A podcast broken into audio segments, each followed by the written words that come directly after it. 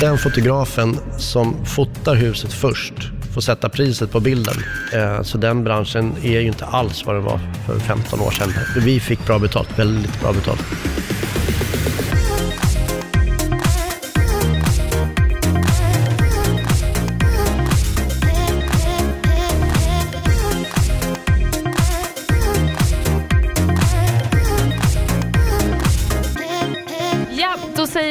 Välkommen till ett sprillans nytt avsnitt av Vad har hänt? Där ni får hänga med bakom kulisserna i kändisvärlden. Den här veckan har jag med mig en väldigt speciell gäst skulle jag vilja säga. Poppe Linge, visst är det man, så man uttalar ditt efternamn? Absolut, jättetack. Det Tack. var, ja, och tack för att du är här. Ja, Kul att vara här eller? tackar, tackar. Tack till mig själv. Ja. Du, hur, du, du har gjort så himla mycket.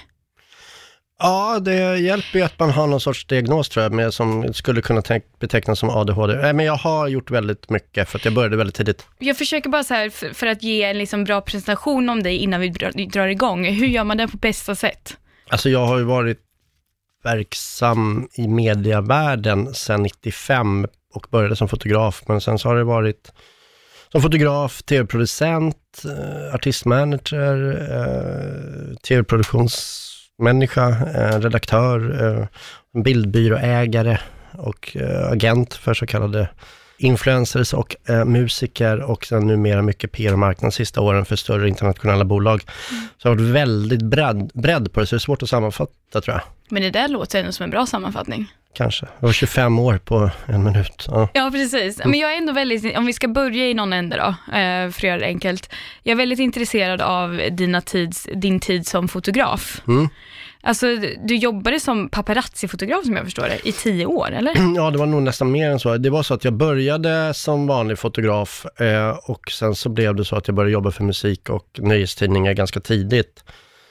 Och relativt snabbt så började jag tillsammans med en kollega börja fundera på varför tar vi, bara, varför tar vi inte bilder på festerna istället för bara röda mattan? Och så började vi göra det och då blev det väldigt snabbt populärt och det gick väldigt snabbt och väldigt bra. Ehm, och det gjorde att vi byggde upp, vi två personer byggde upp en byrå ganska snabbt med frilansare i åtta länder totalt efter bara ett eller två år. Och det drev vi i cirka tio år, och nu åtta, tio år. Eh, enormt, enormt mycket jobb eh, dygnet runt, nästan i tio år. Eh, men jätteroligt och vi, vi, vi blev väldigt omtalade snabbt och det växte fort och det var jättekul.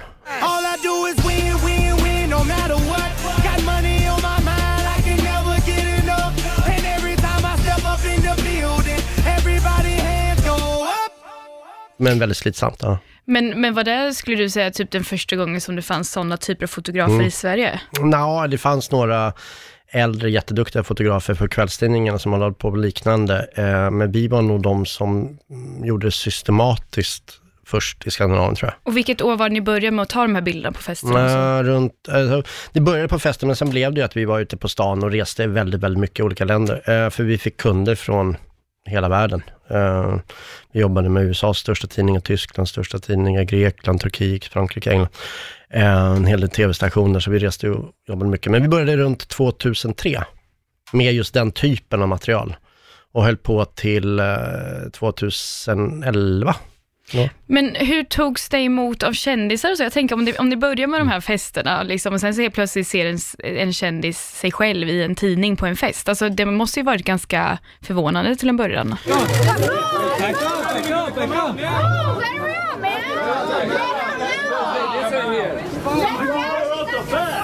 Back up, guys. Give her space. Move, move, move, move, move. All right. Out, out, out. Det var ju så att vi bröt ju på ett sätt ny mark i och med att vi började fota på de här festerna som ingen annan fotade på. För det var kutym att man skulle inte fota på festerna eh, när vi kom in i den här vingvärdvärlden.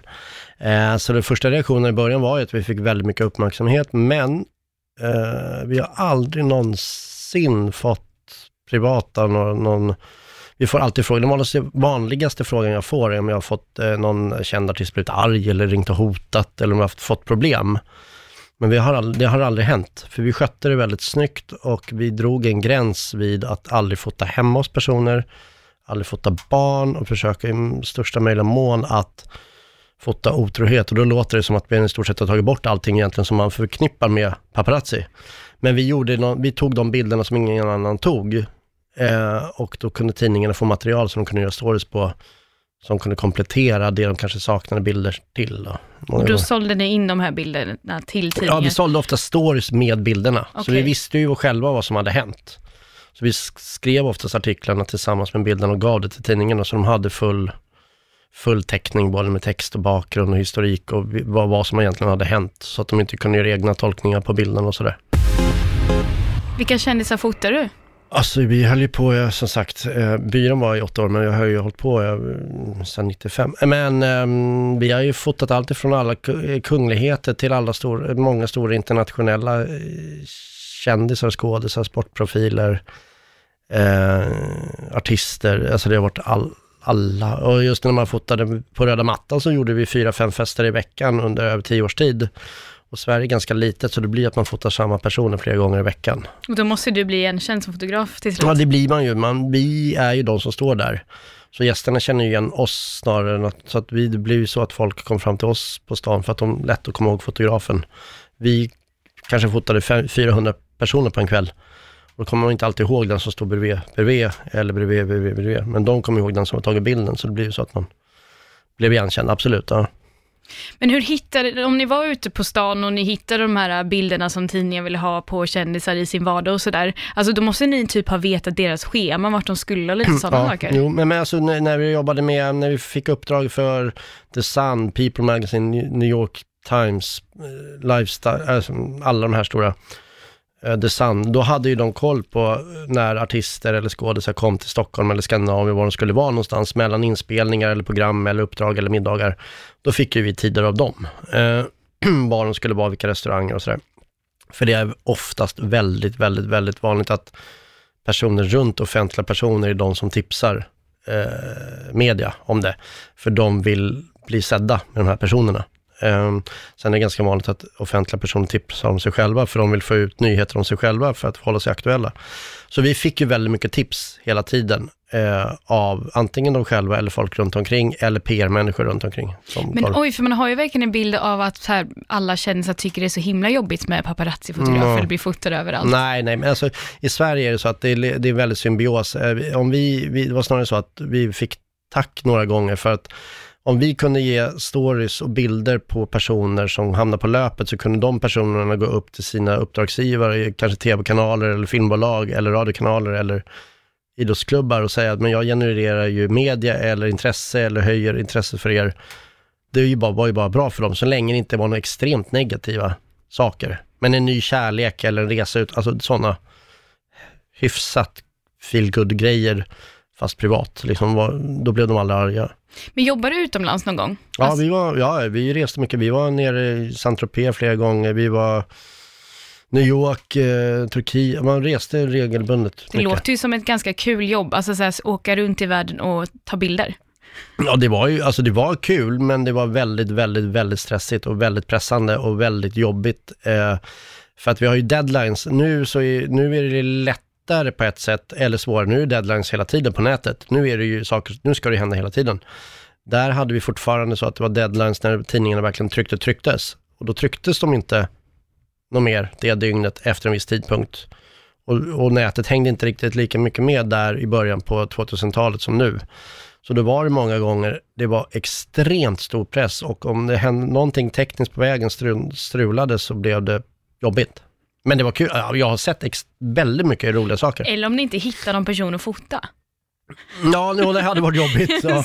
Det hade varit jobbigt. Nej fan, Ben Affleck var inte här nu, nu Nej, måste vi nej. jaga honom någonstans. Nej, men det har, det har ju hänt att, det har ju absolut hänt att vi har, har kommit till ställen där personerna är, har hunnit flytta på sig, absolut. Och då måste man ju liksom lösa det genom att ha en snabb plan B, eller plan C eller plan D. Mm. För vi har ju ett uppdrag att eh, leverera. Vi var ju betalda för att leverera. Och hur mycket fick ni för varje bild? Oj, det är jättesvårt. Eh, Det är jättevariation på vilken typ av bilder det var och efterfrågan och sådär. Men de bilderna, vi brukar få frågan vilka bilder i svenska mått mätt vi fick bäst betalt för. Och det finns det några sådana bilder som alla, många sett. Det bland annat var det SSU-ordföranden Anna Sjödin, då var SSU-ordförande Anna Sjödin, som eh, blev gripen i samband med en incident på en nattklubb i Stockholm. När vi fick bilder på när hon satt i polisbilen precis när hon blivit gripen. Eh, jag flög ut utanför, eh, få, ut, ut till Fåglaren, precis när Elin Wood och, och Tiger Woods-storyn bröt ut. Då blev jag nedringd på natten av alla amerikanska tidningar som ville ha bildbar på hennes hus, för att de trodde att hon skulle fly, fly landet och bosätta sig i Sverige. Och då behövde de bild på huset och då, då, den bilden tror jag sålde till 40 eller 50 länder inom loppet av ett dygn. Bara Så- bilden på huset. Bara bilden på huset. Och flygbilder på huset, alltså flygfilmen. Det var ju en helikopter ovanför ön. Och det var ingen där, det var bara huset. Men de bilderna och de bild, det gick 40 länder tror jag på ett dygn. Ja. Och hur mycket pengar fick du då? Vi fick bra betalt, väldigt bra betalt. Mycket bättre. Han är så rik att han bokstavligen badar i guld. Mm, det var bra. Det var väldigt, väldigt bra. Men det är extremt. Jag- Om man ser det då till att sen så massa kungabilder har sålt väldigt bra. Vi har sålt några bilder väldigt bra internationellt. Men om man slår ut det på alla timmar vi har liksom lagt ner på tio, över tio år, så blir det ju inte så, då är det inte lika så här. Men ni hade ju i och för sig kunnat säga om den här bilden, bara, jo men det här är hennes hus. Och sen var det inte det. Ja, nu går det, Hur vet nu du- går det hur att kolla upp det. Vilket Hur vet som de att just var det? Ja, nej, det går ju att kolla upp dessvärre, typiskt nog. Eh, typiskt. Ja, nej, så det, men det, var, det var lite roligt, för då, då ringde de upp mig mitt i natten och sa att eh, vi, har, vi har lagt ut ett erbjudande till eh, flera skandinaviska fotografer. Den fotografen som fotar huset först får sätta priset på bilden. Ehm, och då ringde jag min granne när jag bodde i Roslagen och frågade honom, eh, kan du flyga med helikopter? Jag betalar dig vad du vill ha. Det spelar ingen roll, du får, se- det, det spelar ingen roll vad, det- vad det kostar. Jag betalar. Mer eller mindre, det låter kaxigt att säga så, men mer eller mindre. Ehm, så när jag flög ut och hade tagit bilderna och kommit tillbaka, då visste jag att de andra fotograferna satt i båtar på väg ut till det här huset själv. Så jag visste ju när jag landade att jag skulle vara först i världen med det. Det, det är sådana saker som man saknar, för det är en enorm adrenalinkick att känna att fan, jag, jag, kom- jag kommer vara först i världen. Eh, och så blev jag uppringd av Good Morning America, allt vad det var. Det var konstigt, men det var roligt. Ja men gud, det förstår jag. Och liksom hur, ni hus. måste ändå ha etablerat er på ett väldigt bra sätt om, om ni fick så många alltså, Ja, som mm. hörde av sig till just er. Liksom. Ja, men vi- hur lyckades vi- ni med det? Eh, Det är också en sån här, det har man inte riktigt förstått, för vi var egentligen bara två stycken, två, tre stycken lilla Sverige som ändå lyckades bli, ja de ringde oss när det skulle vara någonting i Skandinavien. Eh, Men vi, vi eh, jobbade med många stora internationella byråer och vi gjorde ett bra jobb och vi eh, var väldigt bra på det vi gjorde. I was just wondering if you were available to shoot that Humblebrag book promo. Oh, dang it.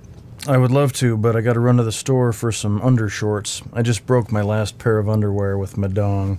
Men du nämnde att det var ett ganska stressigt Mm. jobb och sådär. Vad, vad, var- men vad var det sämsta med det här jobbet? Nej men det sämsta är ju, om jag i efterhand eh, ska backa bandet, så är det ju så att jag förlorade ju mer eller mindre tio år av mitt liv. Ehm, och det har jag liksom funderat på efteråt. Jag förlorade ju, jag var aldrig med på någon vänners eh, middagar, jag var aldrig med, med på be, eh, begravningar, bröllop, Ehm, jag var inte med på syskonbarns födelsedagar, jag, jag var aldrig med. På För att tiden. du jobbade, så Jobbade, hela tiden? jobbade. Alltså dygnet runt? Jobbade dygnet runt i tio år. Ja. I, stort, I stort sett, det låter hårt, men i stort sett. Ja. Så de tio åren eh, får ju inte jag tillbaka på så sätt. Eh, så. Men det bästa då? Det bästa är att jag har fått vara med om någon mer än många andra får med om under hela sitt liv. Och jag bara ska säga citat 43. Men jag har fått vara med och göra saker och sett saker, uppleva saker och lärt känna människor som jag aldrig någonsin skulle haft möjlighet att göra i ett vanligt jobb. Ja, och nu har det gått ganska lång tid. Hur ser du liksom tillbaka på det nu? Vad är liksom ditt starkaste minne, förutom det här med Woods? Ja, nej, men det är, det är jättesvårt att förklara. Eh, Men det starkaste är nog eh, alla gånger när man har liksom lyckats med någonting som i den världen är enormt. Sen kan man tycka att det är så här pseudosaker i det stora livet. Vi har inte räddat livet på någon eller vi är, inte, vi är inga hjärnforskare eller vi har inte löst cancerfrågan utan vi, vi har bara levererat nöjesmaterial. Men vi gjorde det väldigt bra, så de gångerna man verkligen, verkligen, verkligen lyckades, den eh, adrenalinkicken eller endorfin eller lyckan, oavsett hur mycket pengar det var eller inte, det har inte jag fått på något sätt i något annat yrke, någonsin någon gång förut. Och det är ändå en tävlingsmänniska som är så här enorm vinnarskall, men jag har aldrig lyckats få den typen av glädje, eller rus liksom. Vilket jag kan tänka mig man måste vara om man ska vara den, den typen av fotograf. Ganska tävlingsinriktad Mm. Ja. för att kunna... Ja. That's right, you lose, sucker! Ja, men alltså, hur, ser du på det yrket idag? Om du liksom, när vi ser paparazzi-fotografer i USA och sånt, och nu var inte det, nu är det väldigt olika i USA och Sverige, Ja. men ändå, hur ser du på det yrket? Men det går inte att jämföra. Men sen så är det yrket är ju inte på samma sätt, det har inte varit det på jätte, jätte, jätte länge. För att i och med att alla sociala medierna och alla kända personer tog kontroll över sitt eget content, så dödade de den branschen medvetet. Eh, så den branschen är ju inte alls vad den var för 15 år sedan. Eh, och den paparazzi-industrin som finns, jag hörde senast någon dag, för någon dag sedan, att det blir mer eller mindre så att det börjar gå snack om att paparazzerna manipulerar bilder istället för att kunna sälja bilden och säga att, de är, att det är nya, eh, alltså att du har ett nytt utseende eller att du är mer sliten än vad du egentligen är. Att, att de påverkar bilderna för att kunna sälja dem. För att Eh. det blir större tryck på dem kanske? Eller? Nej, de är pressade och de måste tjäna pengar. För det, jag vet att Br- Britney Spears Ja. kritiserade nyligen eh, Mm. en paparazzi-fotograf. Hon sa att eh, det var någon bikinibild på henne som hon hävdade var photoshoppad. Ja, för Ja. att eh, hon menade på att hon är mycket smalare i verkligheten och hon Mm. filmade sig själv på Instagram och bara, "Kolla, så här ser jag faktiskt ut, jag ser Mm. inte ut sådär. I look like I'm 40 pounds bigger than I am today. This is how I am right now, and I'm skinny as a needle. You tell me. Det tror jag stämmer. Alltså, jag tror att det absolut finns paparazzi-fotografer som sätter det tvärtom i system. Förut har man alltid pratat om att kändisarna har retuscherat sig smalare. Eh, och nu så kanske det blir så att det blir, finns ett intresse och en marknad för att verkligen säga att vilken bild stämmer. Och sätta det i system och frågasätta vilka bilder som stämmer och då får ju de anledning att sälja bilderna för att folk ska börja spekulera. För det är tufft för dem. Det är, hela fotograf och bildvärlden är, är ju enormt tuff ekonomiskt nu. Alltså, Och det, du menar att det har sätt. blivit mycket Väldigt värre på sätt, senare ja. år? Liksom. Ja, svenska fotografer och alla andra har det jätte, jättetufft. Varför då? Eh, tidningarna går dåligt, eh, branschen går dåligt, eh, det finns allting, content du behöver finns redan ute.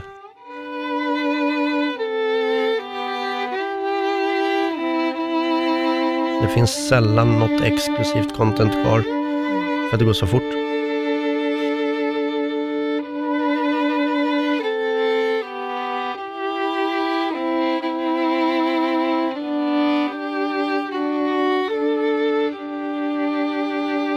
Men okej, så du, eh, du höll på med det här i flera, flera år i alla fall. Och sen så tröttnade du, eller vad hände? Ja, vi, alltså jag har ju alltid varit sån här, jag tycker det är kul när man känner att man, eh, antingen är man först och eh, väldigt bra på någonting och så gör man det och så går det väldigt bra och sen så när man gjort det på något sätt så, så letar jag alltid nya saker att göra för då jag blir mätt på saker. Och även mina kollegor blev det. Vi kände att vi har gjort det vi kan i den här branschen och vi fick inte all, dessutom inte lika bra betalt sista ett och ett halvt åren för samma jobb. Och vi var aldrig inne i det för att vi tyckte att det var så fascinerande med kändisar. Vi gjorde det för att vi hittade en affärsvinkel på någonting som funkade väldigt bra. Um, så då kände jag att jag var ganska mätt på Stockholm uh, och min du, dåvarande fru och jag var båda två väldigt mätta på Stockholm. Så då eh, bestämde vi oss för att flytta. Så då, då köpte vi en stor, bröt hela det gamla livet och köpte en stor herrgård i Skåne och flyttade mitt ut på skånska landet. Men då var det liksom hela, alltså det, du var på en byrå. Jag eh, ägde en tre- byrå. Ja, och då, Mm. och då hade du en byrå, men då Mm. var det alla på den byrån som bara, nej nu slutar vi med det här, eller var det bara du som, Nej, vi, nej jag lämnade. Du lämnade? Jag lämnade. det var inget Eh, gemensamt beslut att, jag lämnade och ville flytta från Stockholm. Sen så drev de andra kvar byrån ett tag, men sen så, så fasade de också ur eh, något år senare. Så att det var aldrig några... Det var aldrig några eh, och det var så- ingen speciell händelse Nej, som nej, gjorde nej, utan det var bara att jag kände att jag var någon klar. kändis blev så arg på Nej, dig nej, att nej, du bara, nej, nej, nej, så smaskigt var det inte. Utan det var, det var mer att jag kände att det var svårt, och vi kände väl allihop att det var svårt att, att, att göra, fortsätta göra samma jobb men sämre betalt. Liksom, då tappade vi lite motivationen. Och då flyttade du till Skåne, Mm. Bodde en, på en herrgård. av en slump hit, hamnade jag i Skåne. Jag var på väg till Frankrike och så hittade vi en gård i Skåne och så var det en så fantastiskt fin gård. Så då tänkte vi, men då flyttar Alltså vi dit. åkte ni bokstavligen ner förbi i en bil Eh, nästan. mot Frankrike? Nej, nej, nej, nej, vi åkte faktiskt och tittade på några gårdar. Jag hade tittat på några gårdar via mäklare i Frankrike. Ja. Och så dök det upp, eh, olika anledningar så kom vi aldrig ner. Vi hade några hästar som blev sjuka, eller jobb dök upp, eller vi kunde inte, så objekten hann säljas. Och då dök den här annonsen upp i DN tror jag det Eh, och då var det så här, vi åker ner och kollar. Och så när vi kom ner så var det så fantastiskt, så att det var så här, men det här är ju otroligt. Men gud vilken skillnad det måste varit då. Ja, jag, alla tyckte att jag var fullkomligt dum i huvudet. Jag träffade en ko- gammal kollega från en av veckotidningen för några dagar sedan på en sån premiär också, som sa, Poppe du vet att alla tyckte att du var helt knäpp som flyttade från Stockholm, för du, du andas och äter i Stockholm, alltså du kunde ju allt om Stockholm, du är ju Stockholms nöjesmänniska liksom. Eh, men jag kom till en punkt när jag kände att nej, jag är klar liksom med det. Vad Och- gjorde du i Skåne då? Då skulle jag ta det lugnt, trodde jag. Men då blev jag kontaktad ganska snabbt av en stor reklambyrå som ville att, i och med att jag jobbar som tv-producent också på eh, bland annat MTG och så, då ville de att jag hjälpte till med deras sociala kanaler, producera för deras kunder eh, reklam. Ehm, och det övergick sen till att jag blev eh, tillfrågad och rekry- började rekrytera mm, profiler och så kallade influencers till en app som heter Mix, som blev känd som Zlatan-appen. Vi hade Zlatan bland annat i den appen då, och Lewandowski i Polen och Messi i Spanien och sådär. Och då hade jag huvudansvar för att rekrytera svenska profiler till den appen. När var det här? Det här var 2010 kanske? Okej. Nej, 2011, 12. 11, 12. Och det var verkligen, då visste man typ inte riktigt än vad influencers var för Nej, någonting. alltså det är ett ord som kom i sista åren. Det var ju blogg, Mm. bloggare, Instagram-profiler. Då var det liksom Blondinbella. Ja, alla de som var stora då, Focke, Blondinbella, Kinsa, alla de här som Mm. aktuella eh, till viss del. Så att eh, jag, var, jag var bland annat med då när vi signade upp eh, Blondinbella då till, för att Mix blev United Influencers och då fick jag uppdraget att, att starta upp i Sverige med att rekrytera alla i Sverige. Så att eh, det som hände var att jag flyttade till Skåne, bodde i Skåne i sex år, eh, bodde på riktiga, riktiga herrgårdslivet med påfåglar, hästar, hundar. Påfåglar Ja, också. ja. Egen sjö, egen dammar, vattenfall, kvarn. Ett jättestort hus på nästan 550 kvadrat. Alltså jättes, riktigt så landet, herrgårdslivet från innerstadsliv. Hey, what's up? Welcome to my crib. Gjorde det i flera år, kom till en punkt där jag kände, nej, jag, jag, det är inte riktigt min grej. Så då skilde jag mig efter nästan 20 år och så eh, flyttade jag upp till Stockholm igen. Och sen så har jag jobbat eh, mycket med varumärken och PR och eh, influencer, men mycket varumärken och PR sista åren. Men jag är väldigt intresserad av det här med, med just influencer-grejen, Mm. att du verkligen, för då var ju du där i början på något sätt och Mm. du, du sa att du, du signade Blondinbella. Eller Ja, jag var med när vi signade Blondinbella. Ja. men hur, alltså, hur minns du den, där, när det hände? Alltså det var ju ett eh, väldigt mycket, eh, det var ett krig mellan olika sociala mediehus. Det var fanns ju olika plattformar där alla olika bloggare samlades på. Det var ju fyra, fem stycken stora plattformar där man hade sina egna profiler och det handlade ju med att man skulle vara attraktiv för annonsköparna att ha olika profiler. Så att det var ju att vi, vårt jobb gick ut på, eller vår, vi som jobbade med rekrytering PR-marknad, eh, försöka hitta de profilerna som våra kunder ville jobba med. Och så skulle vi signa dem till oss. Så. Och hur, vad var din pitch? Min pitch, ja, det var ju den. Kom och jobba med mig. Kom och jobba med mig, räckte bara. Kom och jobba med mig. Uh, funkade jättebra. Vet inte vem jag är. Ja, lite så. Det var det enda jag sa. Jag är här nu. Jag brukar säga jag är här nu, brukar jag bara Du säga. har ju ett väldigt credit namn, alltså det passar in i den världen känns det som. Poppe, Poppe, ja. ja. ja. men det är väl lätt att det, det- det är väl, folk kommer väl ihåg det. Ehm, Ja. Nej men hur pitchar man in det? Alltså vi hade väl, eh, det bygger väldigt, då, ska jag säga, byggde det väldigt mycket på personkemi, eh, strategi, vilka kunder du hade och förmågan att eh, jobba med den här typen av människor då som profilerna. Jag säger profiler, alla andra säger influencers. För mig är det profiler. Eh, för en influencer kan lika gärna vara min gamla lärare eller eh, min fotbollstränare eller din mattelärare eller någon som inspirerar och eh, du som, ja, för mig är det någon som inspirerar dig. I have a dream that one day this nation will rise up and live out the true meaning of its creed. Hur ser du på influencerbranschen idag, några år senare? Nej men det har ju gått tillbaka lite grann till vad det var när, när, när vi började designa dem till olika husen. Nu börjar eh, de här profilerna jobba mycket mer med sig själva som egna varumärken och ser sig själva som varumärken. De behöver inte på samma sätt nätverken som de hade tidigare. Eh, de har förstått sitt värde på marknaden och nu har det blivit så att de kanske har, några övervärderat sig själva. Eh, och det har varumärken ganska snabbt lärt sig. Så att nu, nu har det nog blivit mer och mer, mer så att man nischar sig. Och det är det jag rekommenderar när jag jobbar med mina kunder eller mina projekt. Man nischar sig, väljer ut rätt kanal för att hitta rätt publik. Så inte bara, det, förut var det, var ganska mycket hets förut att nå så många som möjligt. Nu sista åren har tendensen gått till att nå rätt personer. Liksom. Så. Vilka har du kontakt med fortfarande av dina gamla influencers eller profiler? Jag sitter ju inte och pratar med dem dagligen, men när man möts så är det ju de flesta som jag jobbade med. Jag hade under en period en 40-50 personer i Sverige. Oj, är det Mm. några man vet vem, vilka det är idag, förutom eh, Blondinbella? Eh, Nu droppar jag bara namn, namn, jag vet inte om alla kommer ihåg, men Desi, Viktor, Frisk, Focki, eh, jobbade med Persbrandt, vi hade Pars, Parneviks, eh, massa andra. Ja. Men hur jobbar du då? Så du, alltså, hängde, hängde man med de här profilerna för att alltså, liksom, hur funkar, hur såg en vanlig dag ut? Nej men alltså allting handlar, eh, de var ju oftast inne på kontoret, man har eh, liksom en relation till dem professionellt för att man ska liksom, vi, vårt jobb är ju att matcha dem med kunder och hitta kund, och vi ska försöka få kundernas, få ut det de ska få ut via de här profilerna. Och då handlar det ju om att vi ska känna de här profilerna så pass bra, så vi ska säga när kund A ringer att om du bör jobba med den här personen. För förra gången vi gjorde ett liknande samarbete så blev det så här. Och sen så ska vi ju då få med vår profil på båten och säga att den här kunden är bra för dig. Eh, Och de matchningarna behövde inte alltid vara speciellt lätt. Nej, det förstår jag. Hur fasiken fixar man en sån, ett sånt pussel? Eh, Ja, det handlar ju om att man ska övertyga för det första då profilen om att det är ett samarbete som är bra för dem. Eh, de ska få det de vill ha betalt och kunden ska gå med på att betala det profilen vill ha. Man ska göra kampanjen så båda känner sig nöjda, vi känner oss nöjda och det ska ju generera affärer till kunden eh, som den känner sig nöjd. Och profilen ska ju känna att det är någonting de står för. Så det är många delar som måste eh, funka. Ja.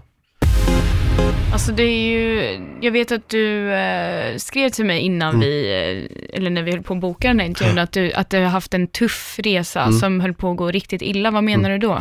Nej men allt det här livet jag har haft, jag har levt i en, en, en värld som eh, är brutalt hård. Ehm, det är förknippat med väldigt mycket fester, mycket alkohol och det var väldigt mycket alkohol för min del under de sista åren. Inte, bör- inte när jag jobbade så mycket för att jag bodde utanför stan så jag körde jämt till exempel. Och jag hade eh, prestige i att aldrig festa när jag jobbade. Eh, men jag hade många kollegor som inte hade det, så där, som man hade runt omkring sig i alla fall. Men, men ja, det har ju påverkat mig, så att jag har ju levt ett hårt liv också, med mycket jobb, mycket festande och det tar ut sin rätt till slut när man börjar bli äldre. Jag nu är 43. Eh, så att jag, mina sista år, eh, senaste år, har varit tuffa. Och det kom till en punkt i mitt liv när jag bestämde mig för att nej, jag måste göra någon drastisk förändring.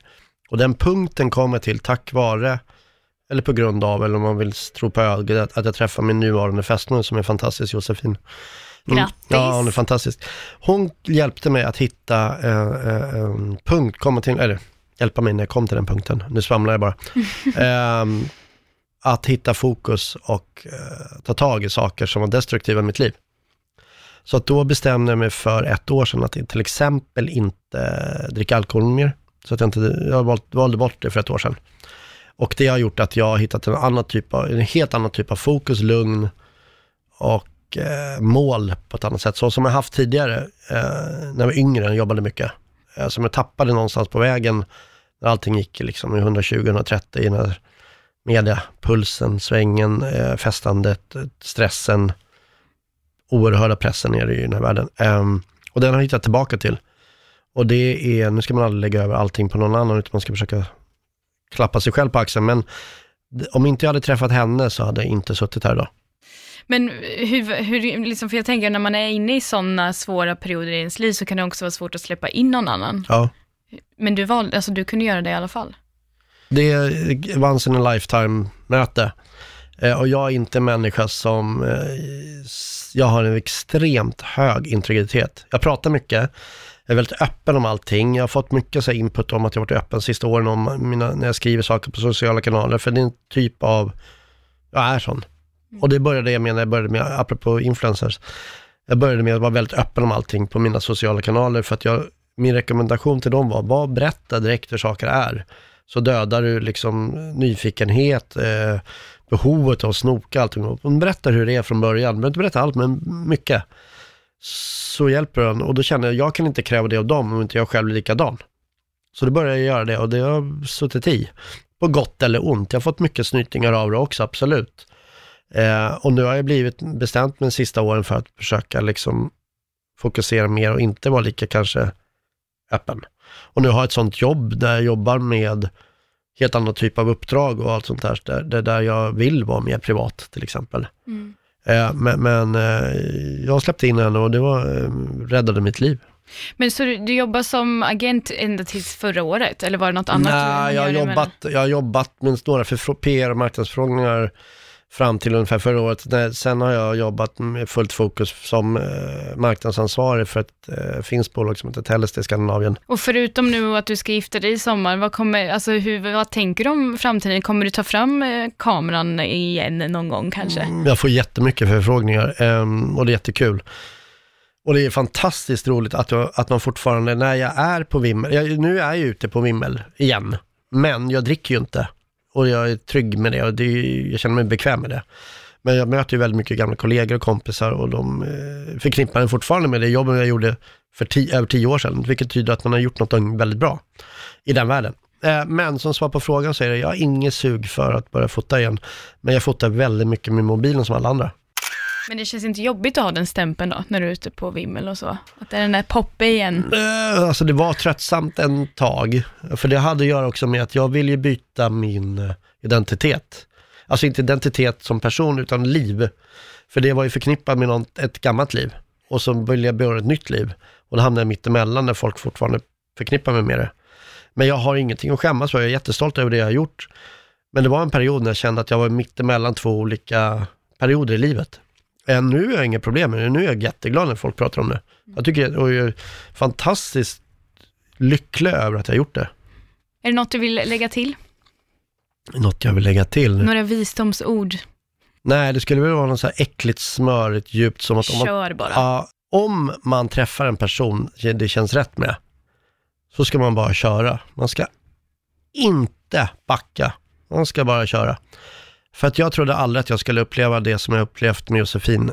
Eh, och eh, när man gör det så är man helt såld liksom.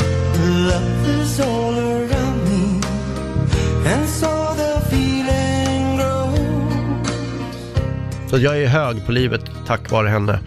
Tack så jättemycket Poppe för att du kom hit. Tack.